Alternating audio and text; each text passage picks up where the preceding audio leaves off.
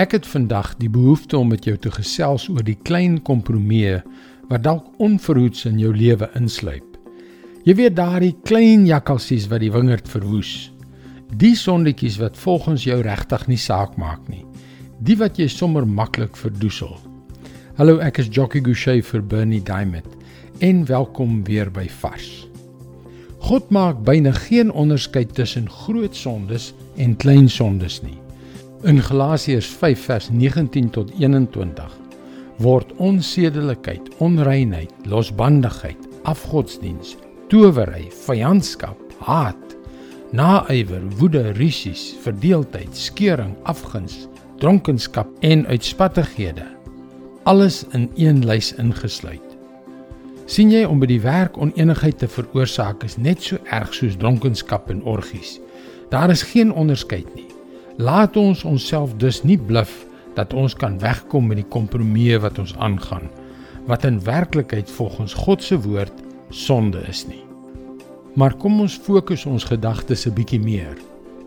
1 Johannes 3 vers 8. Wie aanhou sonde doen, behoort aan die duiwel, want die duiwel hou van die begin af aan met Sondag. En die seun van God het juis gekom om die werk van die duiwel tot nul te maak.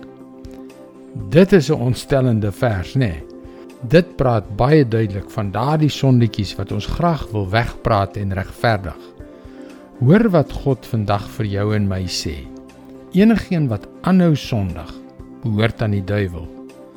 Laat die Heilige Gees jou vandag van daardie waarheid oortuig. Maar hier kom die goeie nuus. Baie goeie nuus. Die seun van God het na die aarde gekom om die duiwelse werk te vernietig.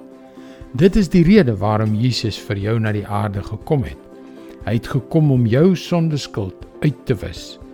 Hy sê hy sal jou sonde van die verlede vergeet en jou die krag gee om van jou sonde weg te breek en oor te begin om die werke van die duiwel in jou lewe te vernietig. Dit is hoekom Jesus gekom het vir jou.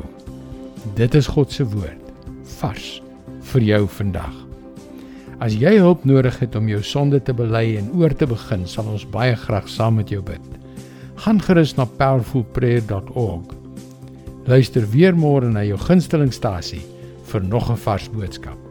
Seënwense en mooi loop.